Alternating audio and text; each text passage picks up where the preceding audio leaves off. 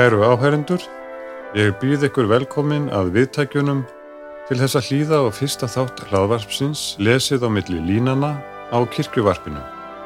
Nafn mitt er Jón Ásker Sigurvinsson og ég er héradsprestur í Reykjavíkur prófastæmi vestra og doktor í Gamla testamentis fræðum. Á vettvangi Reykjavíkur prófastæmis vestra hef ég umsjón með vikulugum prétikunarklúpi þar sem ég læt prestum í tje rittskýringarpunkta sem kynnuða nýtast við að semja prétikun komandi sunnudags og ávalt skapast þar áhugaverðar umræður um rittningartekstana. Þegar Pétur G. Markan, samskiptastjóri þjóðkirkjunar, bar upp þá hugmynd við mig að gera hlaðvarpsþætti sem yrðu aðgengilegir á kirkjuvarpinu og efnistök yrðu í líkingu við það sem gerist í prétikunarklubnum, tóki þeirri hugmynd fagnandi. Enda er hlaðvarpsmiðillin aðgengilegur og verður sí vinsalli. Útgangspunktur þáttana er sá að um sé að ræða faglega en þó aðgengilega umfjöllun um afmarkað efni sem tengist pretikunatekstum yfirstandandi tímabils samkvæmt þeirri tekstaröð sem er í nótkun í þjóðkirkjunni hverju sinni.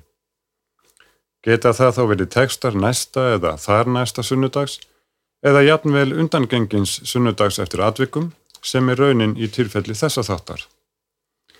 Viðfangsefni þáttana má því segja að sé nokkur skonar ítarefni við það efni sem ég vinn í tengslum við pretikunaklúpin. Markkópur þáttana er því fyrst og fremst þeir sem hafa útleggingu biblíunar með höndum en einnig aðrir þeir sem áhuga hafa. Rítningarteksta hvers sunnudags má finna undir kirkjan.is skástrygg kirkju árið. Í þessum fyrsta þætti lesið á milli línana sem ber yfirskriftina Far út af honum um ítla anda og brottrekstur þeirra, hyggst ég reyna að gefa þó ekki væri nema örlittla insinn inn í þá heimsmynd sem býr að baki frásögnum Guðspjallana af íllum eða óhreinum öndum og söguleg tengsl þeirra hugmynda við þann menningarheim sem hebresk og gýðingleg menning voru hluti af. Jafn framt verður í framhaldi að því gerð tilraun til að skýra að einhverju leiti hlutverk Guðspjallafrásagnanna af íllum öndum í bókmentalögu samhengi sínu.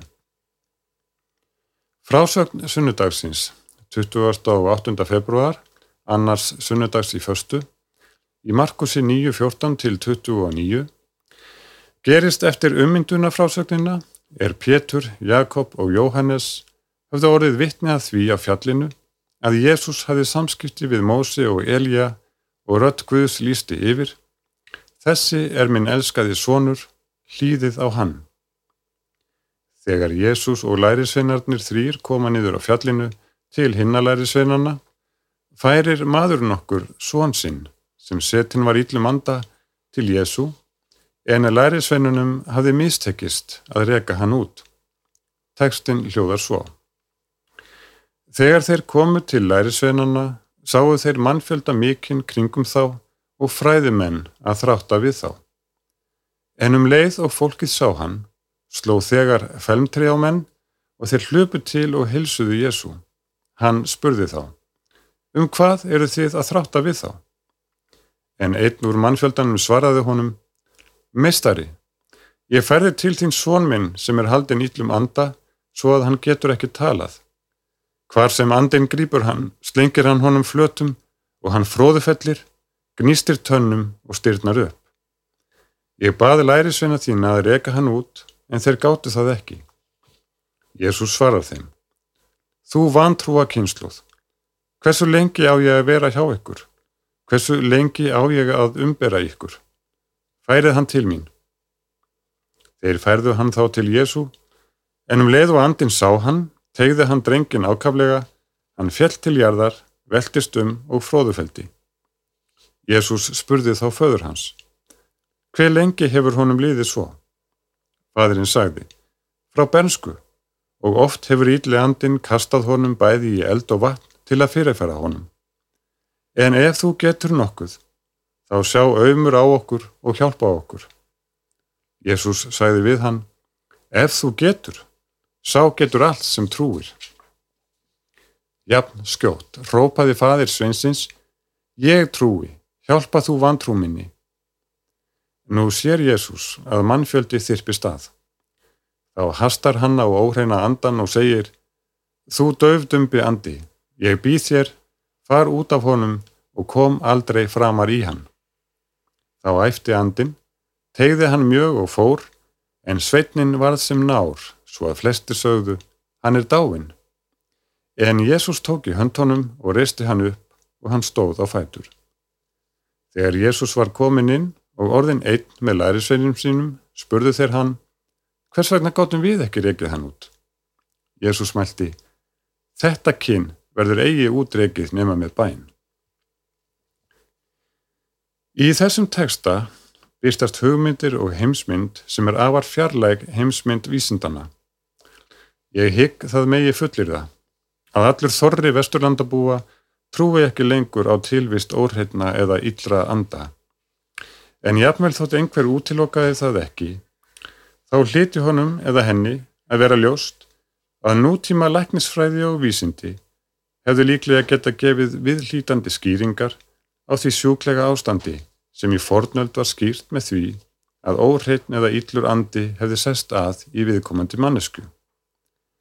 Án þess að ætla hér að kveða upp dómum mögulegar vítir veruleikans, þá er skinsamlegt að hafa það sem útgangspunkt að trúin á ansetningu sé fyrst og fremst forvísindarleg skýringartilraun á sjúklegu ástandi og að útrekstur óhreitna anda hafi því verið forleiknisfræðileg tilraun til þess að ráða bót á því ástandi.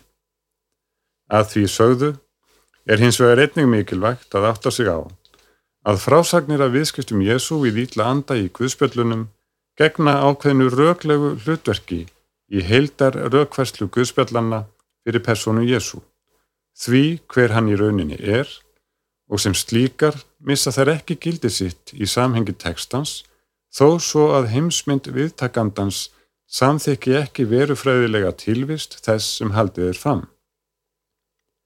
Jafnframt ber að halda því til haga að ítlir og óhreinir andar geta verið afskaplega áhrifamikil tákmynd fyrir hverskins ítlar og mann fjandsamlegar aðstæður og áhrif þeirra á fólk. Þó svo að við, nútíma fólk, tökum frásögnum af ítlum öndum og andarsæringum með miklum fyrirvara og skiljum þær helst táknrænum skilningi, þá gerði samtíðar fólk Jésu það ekki. Við þurfum raunar ekki annað en að hugsa til galdraáfsókna Evrópu og Ameríku allt fram undir, lók 17. aldar og jafnveg allt fram á þá 18. til þess að sjá að ekki er íkja langt síðan heimsmynd sem gerði ráð fyrir göldrum og ítlum andlegum öllum fór að láta undan síka.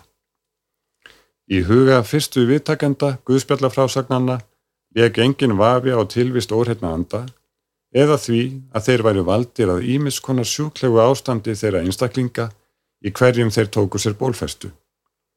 Í Guðspöllunum sjálfum er slíkur andi ímiskallaður pnefma agatharton, orðheitnandi, eða pnefma poniron, yllurandi. Andar, góðir og yllir, voru hluti af heimsmynd miðausturlanda til forna og ég hygg það megi staðhæfa um allan hinn forna heim. Þeir voru verur sem tilherðu einhvers konar tilvistarlegu millistígi á milli mannlegs veruleika og veruleika guðana. Í mesopotamískri goðafræði var gerðu greinamunur á verndaröndum og íllumöndum eða djöflum. Fundist hefur verndargripur, hálsmenn, með mynd af verndaranda, sjetu, í mynd vængaðs nauts með mannshöfuð. Þessir verndarandar gættu dýra að hýbílum fólks. Hinnar gríðarstóru stittur af vangjöðum nautum með mannshöfuð sem gættu bæði borgar og hallarliða Níníve, höfuðborgar Assúr, eru myndir slíkra verndaranda. Samsvarandi orð í Gamla testamentinu, sjöt, stendur einnig fyrir einhvers konar andaveru en er þar notað í neikværi merkingu. Yllir andar voru ekki menn, en þeir voru alla jafna heldur ekki guðir. Ólíkt guðum fengu þeir ekki reglulegar fórnir. Þeir voru ímist óáþreifanlegir og ósýnilegir eða í dýrslíki stundum með ófrínileg mannsandlit en horn geitar og oft tengdir við ríki hinn að dauðu. Þeir höfðu aðsettur á afskektum stöðum utan alfaralegar, í gömlum rústum og slíkum stöðum. Í Jesaja 34.14 vilist vera að tala um slíkan stað en þar segir Urðarkettir og sjakalar munu þar koma saman og geitapúkar munu mætast þar. Þar staldrar lílít einnig við og finnur þar kvildarstað. Hér er talað um púka í geitarlíki og lilít sem var nafn á íllum anda í assyrískri goðafræði og er líklega þaðan komin inn í hugmyndaheim Gamla testamentisins. Heimsmynd assyrískrar goðafræði er reyndar frekar flókin þegar kemur að íllum öndum sem við getum kallað djöbla eða demóna svo tekið sér upp gríska orðið sem notað er í flestum nágranna tungumálum okkar. Sumir djöblar voru verri en aðrir og sumir nálgast það að vera guðlegar verur, líkt og ítli andin Pasúsú sem er eins konar guð undir heimanna og konungur ítla anda, en það er hans sonur Hanbi, guðs hins ítla. Hann var talin orsaka sjúkdóma en jafnframt var hægt að leita á náðir hans til að reka aðra illa anda á brott. Sér í lagi töldu Assiringar vænlegt að leita á náðir Pasúsú til þess að verjast Lamastu, spúsu hans, sem var sérstaklega ítskeitt og dreifði hverskins sjúkdómum en hafði sérstaklega dálæti á því að breyða sér í líki ljósmæðra og myrða nýfætt börnin annað hvort með því að gefa þeim eitraða mjölk sína að drekka, ellegar kirkja þau um leið og þau komu úr skauti móður sínar. Til þess að verjast slíkum skrimslum höfðu manneskjur enga aðra kosti en að leita á náðir guðana og verndaranda sér til fulltingis, já eða jafnmel til konungs íllu andana Arsúsú. Það var gert með því að fara með til þess gerðar særingarþölur og rítúöl og með því að nota verndargripi, gerðnan hálsmenn sem ávoru rítadar særingaþölur eða þær skreittar með myndum sem lístu brottrekstri hins ídla anda. Gott dæmi um verndargrip í Ísraelsku samhingi eru hinnar frægu silfurþinnur frá 8. eða 7. öld fyrir Krist sem fundust í gravrétnum Ketef Hinnom í Jérúsalem. Þær voru upprúlaðar og til þess hugsaðar að bera þær um hálsin og á þær voru rítuð agnar smáum stöfum verndar og blessunarorð sem enda á blessuninni við, sem við þekkjum úr okkar eigin guðsjónustu drottin blessi þig og varðiti þig og svo framvegis. Meðal handritana sem fundust í kumran við Dauðahafið á árunum eftir setni heimstyrjöld er að finna textabrót sem án alls vafa eru hlutar særingateksta er ætlaðir voru til nótkunnar við brottrekstur yllra anda. Fræðimenn hafa fært fyrir því sannfærendi rauk að særingatekstarnir í Kumran og sá hugmyndaheimur sem þeir byrta sé undir miklum áhrifum frá Mesopotamíu sem skýra má með tilvist fjölmennra gýðingasamfélaga í dreifingunni í Babilón og víðar þar austur frá. Tekstabrót frá kumransamfélaginu innihalda særingaformúlur til að reka út ítla anda þar sem andi eðsins er ákallaður til þess að reka djöflana út og aðrir tekstar innihalda bölbænir gegn Belial og öllu hans hiski. Og geðing rómerski sagnarítarin Flavius Jósefus segir frá því á fyrstu öld að gott sé að nota rót rúturuna sem var lækningagjört til forna til þess að reka út ílla anda sem séu ekkert annað en andar vonds fólks sem leggist á hinn að lifandi og drefi þá, nema þeir fái hjálp gegn þeim. Það voru því bæði bænir og særingaþulur, verndargripir og einhvers konar meðul nótuð í bland til þess að reka djöblana út úr fólki. Gamla testamentið og ekki síst vittnisspörður fornleifar rannsókna geymir órækar vísbendingar um að hugarheimur Ísraelsmanna hafi að þessu leiti í engu verið frábröðin hugarheimi annara þjóða til forna. Í Gamla testamentinu má finna margvíslegar vísbendingar um anda sem eru í eðli sínu íllir eða hættulegir, íllir andar eða djöflar. Í spámanatekstum og í sálmunum er gert lítið úr erlendum guðum með því að samsama þá íllum öndum. Ekki er ólíklegt að Asasel, til hvers syndahafurinn er sendur með syndir þjóðarinnar á friðþegangadaginn, sé upphaflega nafn á einhverjum eigðimerkur djöfli og það sama má segja um kvendjöfurinn Lilít eins og áður sagði. Þekkt er svo kenning að að baki Jakobsglímunni sé forn saga um árdjöful sem varnaði fólki yfirferðar yfir ána jafnbók. Ekki eru þó allir andar sem nefndir eru í Gamla testamentinu endilega yllir í eðli sínu. Í fyrstu Samuelsbók, 16. kabla, segir frá því hvernig íllur andi frá drotni gerir sál konung sturlaðan. Í þessum teksta, sem er að minnstakosti hálfu árþúsundi eldri en Guðspjöllin, sjáum við þá þegar tengingu ílsanda við sjúkleika af einhverju tægi. Í þessu tilfelli andleg veikindi. Hinn ílliandi, Ruach Ra'a, er settur fram sem neikvæð andstæða við anda drottins Ruach Jahve, sem hefur jákvæðamerkingu og hafi yfirgefið sál. Á meðan andi drottins hefur blessun í förmið sér, hefur ítliandin þvert á móti bölfun í förmið sér. Orðið andi í þessu tilfelli merkir miklu frekar áhrif en að það vísi til sjálfstæðrar personu. Það er samt aðteglisvert að ítli andin er kallaður ítlur andi frá Jahve og er þannig tengdur við drottin. Í nýjundakabla dómarabókarinnar er einnig talað um íllan anda sem Guð sendir í þeim tilgangi að valda misklíð á milli Abimelegs og leiðtoga Síkenborgar. Bæði í þessu tilfelli og í tilfelli Sáls er líklega ekki um að ræða anda sem eru yllir í eðli sínu, heldur anda eða áhrif sem send eru af Jakve í skadlegum tilgangi í refsingarskyni eða til þess að ná fram tilteknu markmiði. Þetta er í samræmi við hugmyndir í löndum miðausturlanda til forna um það að andar væru í sumum tilfellum sendibóðar guðana sem hefðu með höndum að framfylgja guðlegum blessunum, ellegar refsingum fyrir syndir manna. Í síðara tilvikinu kom refsingin oft fram í formi sjúkdóma eða jafnmel dauða.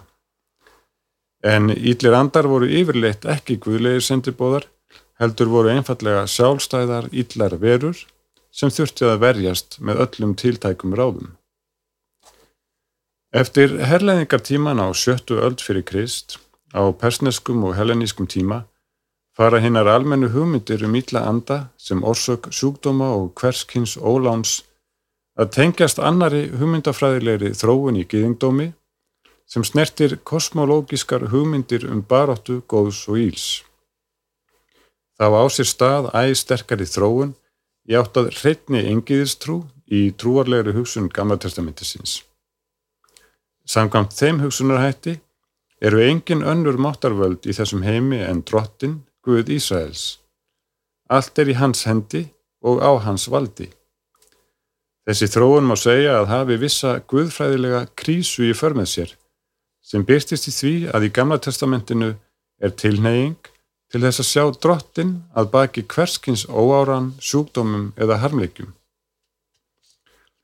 Tilneyingin til að sjá jakveið að verki í öllu sem gerðist, bæði góðu og yllu, er líklega tilkomin sem tilraun til þess að útskýra hernaðarlegar og pólitískar ófærir Ísraels og Júta á 8. og 7. öld fyrir Krist.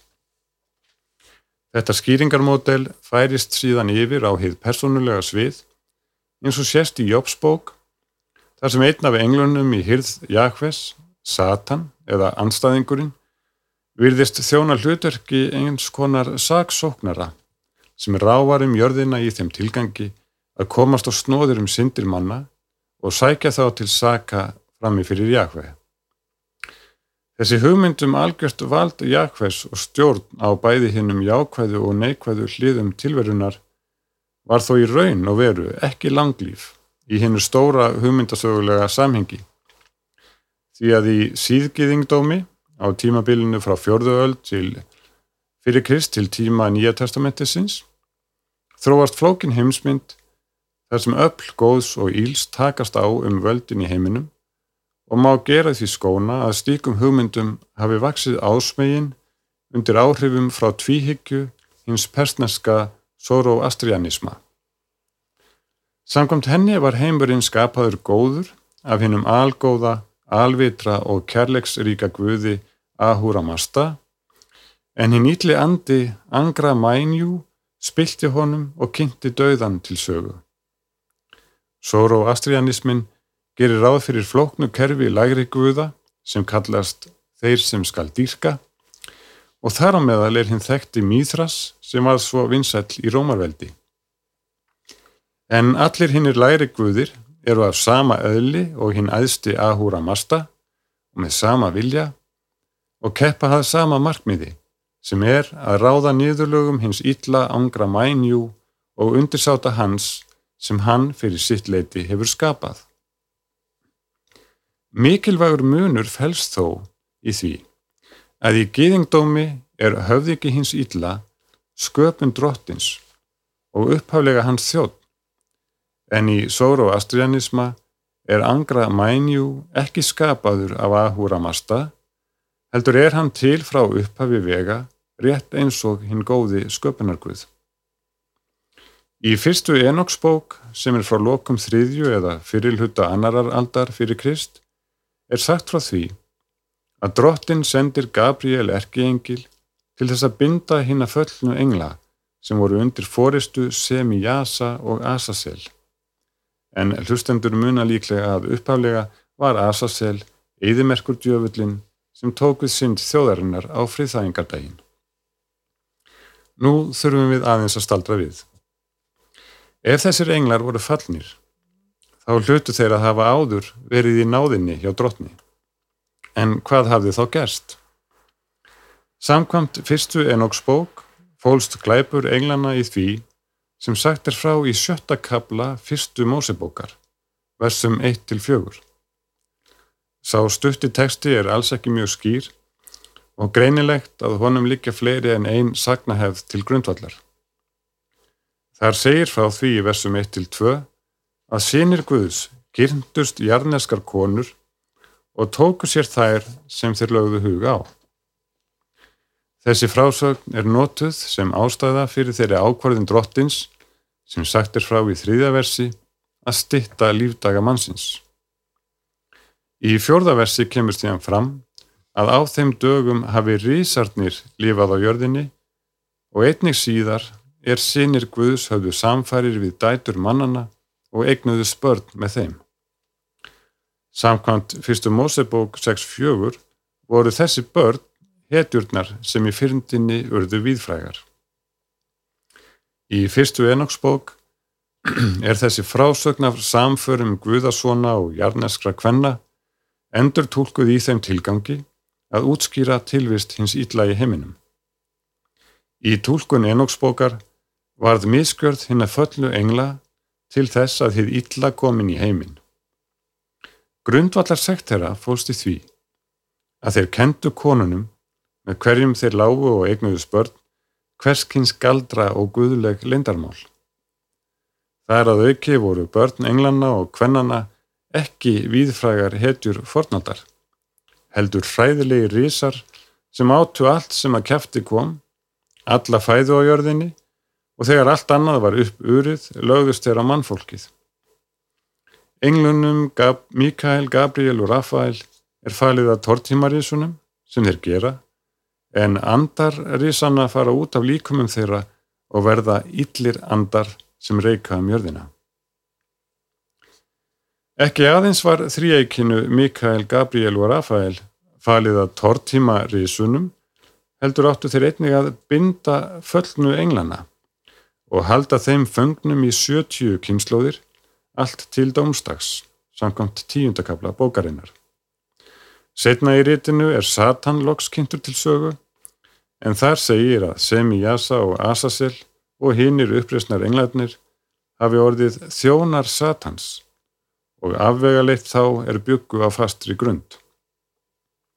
Satan er hér orðið eiginnafn engils sem er ekki lengur undirsátt í Jakves, heldur orðin höfuð anstæðingur hans og í öðrum geðinglegum rítum frá þessum tíma gengur hann undir ímsum öðrum nöfnum eins og Belial í döðahafstekstum og Mastema í bók Kvildaráranna sem á ennsku nefnist Book of Jubilees. Hugmyndir um Satan sem fóringja föllnu englanna og höfðingja hins illa þróast áfram, svo sem sjá má í rítinu Líf Adams og Evu. Það sem sagt er frá því þegar Satan og öðrum uppreysnar englum er varpað úr himnaríki til jarðar vegna uppreysnar hans gegn vilja Guðs. Orði Jésu í Guðspjalli fyrsta sunnudags í förstu, ég sá Satan rapa af himni sem eldingu, vísa til þess teksta og titillin höfðingi þessa heims verður einnig skílanlegur í ljósi hans. Höfundi fyrstu hennagsbókar gengur það fyrst og fremst til að setja fram í formi sögu guðfræðilegar hugmyndir til útskýringar á tilvist hins ítla í heiminum og það sama má segja um bók kvildaráruna þar sem það er mastema en ekki drottin sem stendur á bakvið Ímis erfið atriði í textanum. Það er mastema sem fristar Abrahams til þess að drepa Ísak, sem hvetur Egipta til að elda Ísraelsmenn á leið þeirra frá Egiptalandi og sem reynir að drepa Mósi á leiðinni til Egiptalands samanbyr aðra Mósebók 424. Í speki Salomons, sem er líklega rítuð á grísku á fyrstu öld fyrir Krist eða fyrstu öld okkar tímatals, er Satan ekki aðeins líst sem anstæðingi Guðs og mannkinsins heldur er hann talin byrja ábyrð á innreið döðans í þennan heim. Í gýðinglegum rítum síðgýðingdóms er það því orðið ríkandi viðhorf að handbendi satans, yllir eða orhinnir andar séu valdir að ímsum hörmungum mannsins. Í ljósi þess sem hefur verið fjallað um hér á undan er ljóst að Jésús frá Nazaret var ekki einstakur í fornöld hvað það varðar í sjálfu sér að reka út ítla anda. Þó skildi maður ætla að það hafi verið ætlun Guðspjallamannana að undirstryka hið einstaka við Jésu, það sem greindi hann frá öðrum mönnum með því að segja slíkar sögur af hann. Til þess að nálgast að minnstakosti eitt líklegt svar við spurningunni um tilgang frásagnana af viðskiptum Jésu við ítla anda í Guðspjallunum þurfum við að gera okkur grein fyrir því að þær eru ekki allar eins og er þá sá greinarmunur á þeim helstur að ítlu andarnir leika mistóra rullu. Í sumum sögunum eru þeir óvirkar, passívar personur í textanum að því leiti að þeir eru aðeins andlag aðtapna Jésu. Í öðrum frásögnum leika þeir virkara hlutverk og taka jafnvel til máls. Í Markusartekstanum sem ég las í upphafi þáttarins, lætur óhreini andin sig hverfa án málalenginga, en því er ekki að skipta í áttundakabla Lúkasar Guðspjáls. Þar er maður haldin óhreinum anda sem í raun er hópur af íllum öndum sem gefa upp nafnið Hersing þegar Jésús spyr um nafn hans. Þessi Hersing óhreina anda hefur mun stærra hlutverk í frásögninni en flestir aðrir slíkir í Guðspjöldunum. Þegar Jésús býður andanum að fara út á manninum, svarar hann, Hvað vilt þú mér, Jésús, sonur Guðsins hæsta? Ég byrð þig, hver þú mig eigi? Hér hefur óhreinni andin eða hersing hinn á óhreinu anda það frásagnarlega hlutverk að þjóna sem vittnisspurður um personu Jésu, um stöðu hans sem sonar Guðs. Það kann að koma á óvart að nokkuð svo neikvægt sem óhreitn andi sem í raun er tákning þess sem er andstætt Guði og talið lúta valdi Satans skuli látin bera vittnisspurð um personu Jésu. En í raun er það ekki órögreitt. Því að tilherrandi hinnum yfirnáttúrlega heimi má ætla að þeir hafi vittnesku og insýn inn í hinn guðlega veruleika sem venjulegir döðlegir menn hafa ekki. En það sínir sig í þessari frásögn að óhreinu andarnir bera strax kennsl á Jésu sem svon Guðs og anstæðing sinn. Í tilfelli hersingar má þess vegna sláð því föstu að það séu óhreinu andarnir sem gegni aðal hlutverki í þeim tilgangi að bera kennsla á og vitna um personu og stöðu Jésu frekar en að brottrekstur þeirra sem slíkur geri það. Í tilfelli döftumba andans í Markusartekstanum er öðru máli að gegna. Þar stingur í augu andstæðan á milli mishefnaðrar tilraunar lærisveinana til þess að reka út andan og þess hvernig Jésús rekur hann út með einfaldri skipun án nokkura vandkvæða. Því er vissulega ekki líst hvernig lærisveinarnir höfðu borðið sig að, en svar Jésu við spurningu þeirra hvers vegna gáttu við ekki reglið hann út, gefur vísbendingu þarum. Hann svarar, þetta kyn verður eigi útrekið nema með bæn. Gríska orðið genos, sem í íslensku þýðingunum er þýtt sem kyn, þýðir hér í raun tegund. Jésús er því að segja við lærisveinana að gegn öndum af þessu tægi þurfi lærisveinarnir að grípa til bænar. Aðeins hann einn hafi mátt til þess að reka þá út með einfaldri skipun. Og það jafnmeil þótt hann hafi fyrir í Guðspjallinu gefið lærisveinunum vald yfir ítlum öndum. Þeir beittu því valdi með góðum árangri en því er ekki líst hvernig þeir báru sig að. Í tilfelli döfdumba andans í nýjunda kapla Markusar Guðspjalls hefðu læri sveinarnir því samkvæmt svarið Jésu þurft að nota særingaþulur, ákalla góð öll sér til fulltingis eða nota önnur ráð eins og sérstakar rætur líkt á Jósefus Flavius vittnarum. Það hefðu aðrir sem höfðu það með höndum að reyka út orð hennar anda líklegast þurft að gera og getum við í því sambandi tekið farisiðana sem dæmi. Þegar þeir saga Jésu með sjálfum sér um að reka út ítla anda með fulltingi höfðinga ítlu andana í Lukasi 11.19 svarar Jésús meðal annars En reki ég ítlu andana út með fulltingi Beelzebúls með hverju reka þá yðarmenn þá út. Kjarni málsins er líklega sá að Jésús þarf ekki að nota neyn viðtekinn ráð. Hann þarf ekki að ákalla anda drottins eða engla drottins sér til fulltingis eða nota náttúrumöðul, heldur skipar hann eins og sá sem valdið hefur. En það geti hann að öðrum kosti ekki veitt lærisveinunum slíkt vald. Í raun segir Jésús sjálfur í Lúkasi 11.20 að hann reki íllu andana út með fingri Guðs og að þar með sé Guðs ríki þegar komið. Þar með er ljóst í huga Lúkasar og hinna Guðspjallamannana að Jésús hefur guðlegt vald á sínu meðfæri og ekki aðeins það, heldur fælst nærvera Guðs í hans eigin verki og nærveru. Ásökun fari sig hann að stiður þennan skilning því hefði Jésús beitt hefðbundnum aðferðum eins og þeir sjálfur, þá hefði þeim ekki verið stætt á að orða hana. Valdið sem Jésús byrtir með því hvernig hann rekur út óhrenna anda verður aðeins skýrt með tvennum hætti frá sjónarhortni farisegana. Að hann hafi það frá Beelzebúl, höfðinga íllu andana, eða frá Guði og síðarnemda skýringin væri ekkert annað en Guðlast í þeirra augum. Nú gæti einhver sagt sem svo að tíundikabli Lúkasa Guðspjáls mæli gegn því sem ég hef sagt um sérstöðu Jésu þegar kemur að því að reyka út í landa. Þar sendir Jésús nefnilega 70 lærisveina á undan sér til þeirra staða sem hann ætlaði sjálfur að koma til og verkefnið er vel skilgreynd. Lækni þá sem þar eru sjúkir og segið þeim Guðs ríki er komið í nánt við yður. Þegar lærisveinarnir koma aftur fagnandi yfir vel unnu verki, lýsa þeir því þannig Drottin, jafnvel ítlir andar hlýða okkur þegar við tölum í þínu nafni.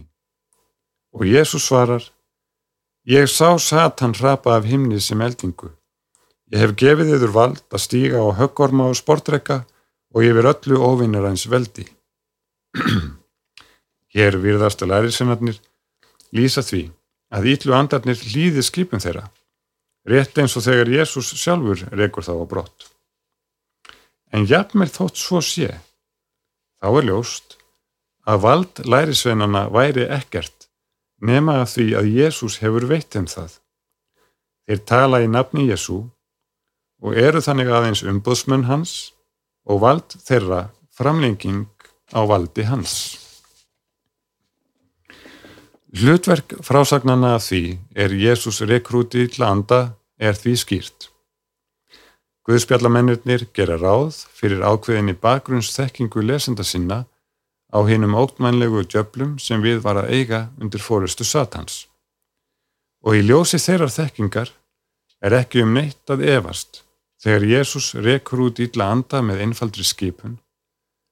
Jésús fer með guðlegt vald og hefur því sérstök tengsl við Guð, tengsl sem eru orðuð með ýmsum hætti, svo sem sonur Guðs, Messias eða mannsonurinn. Góðar stundir.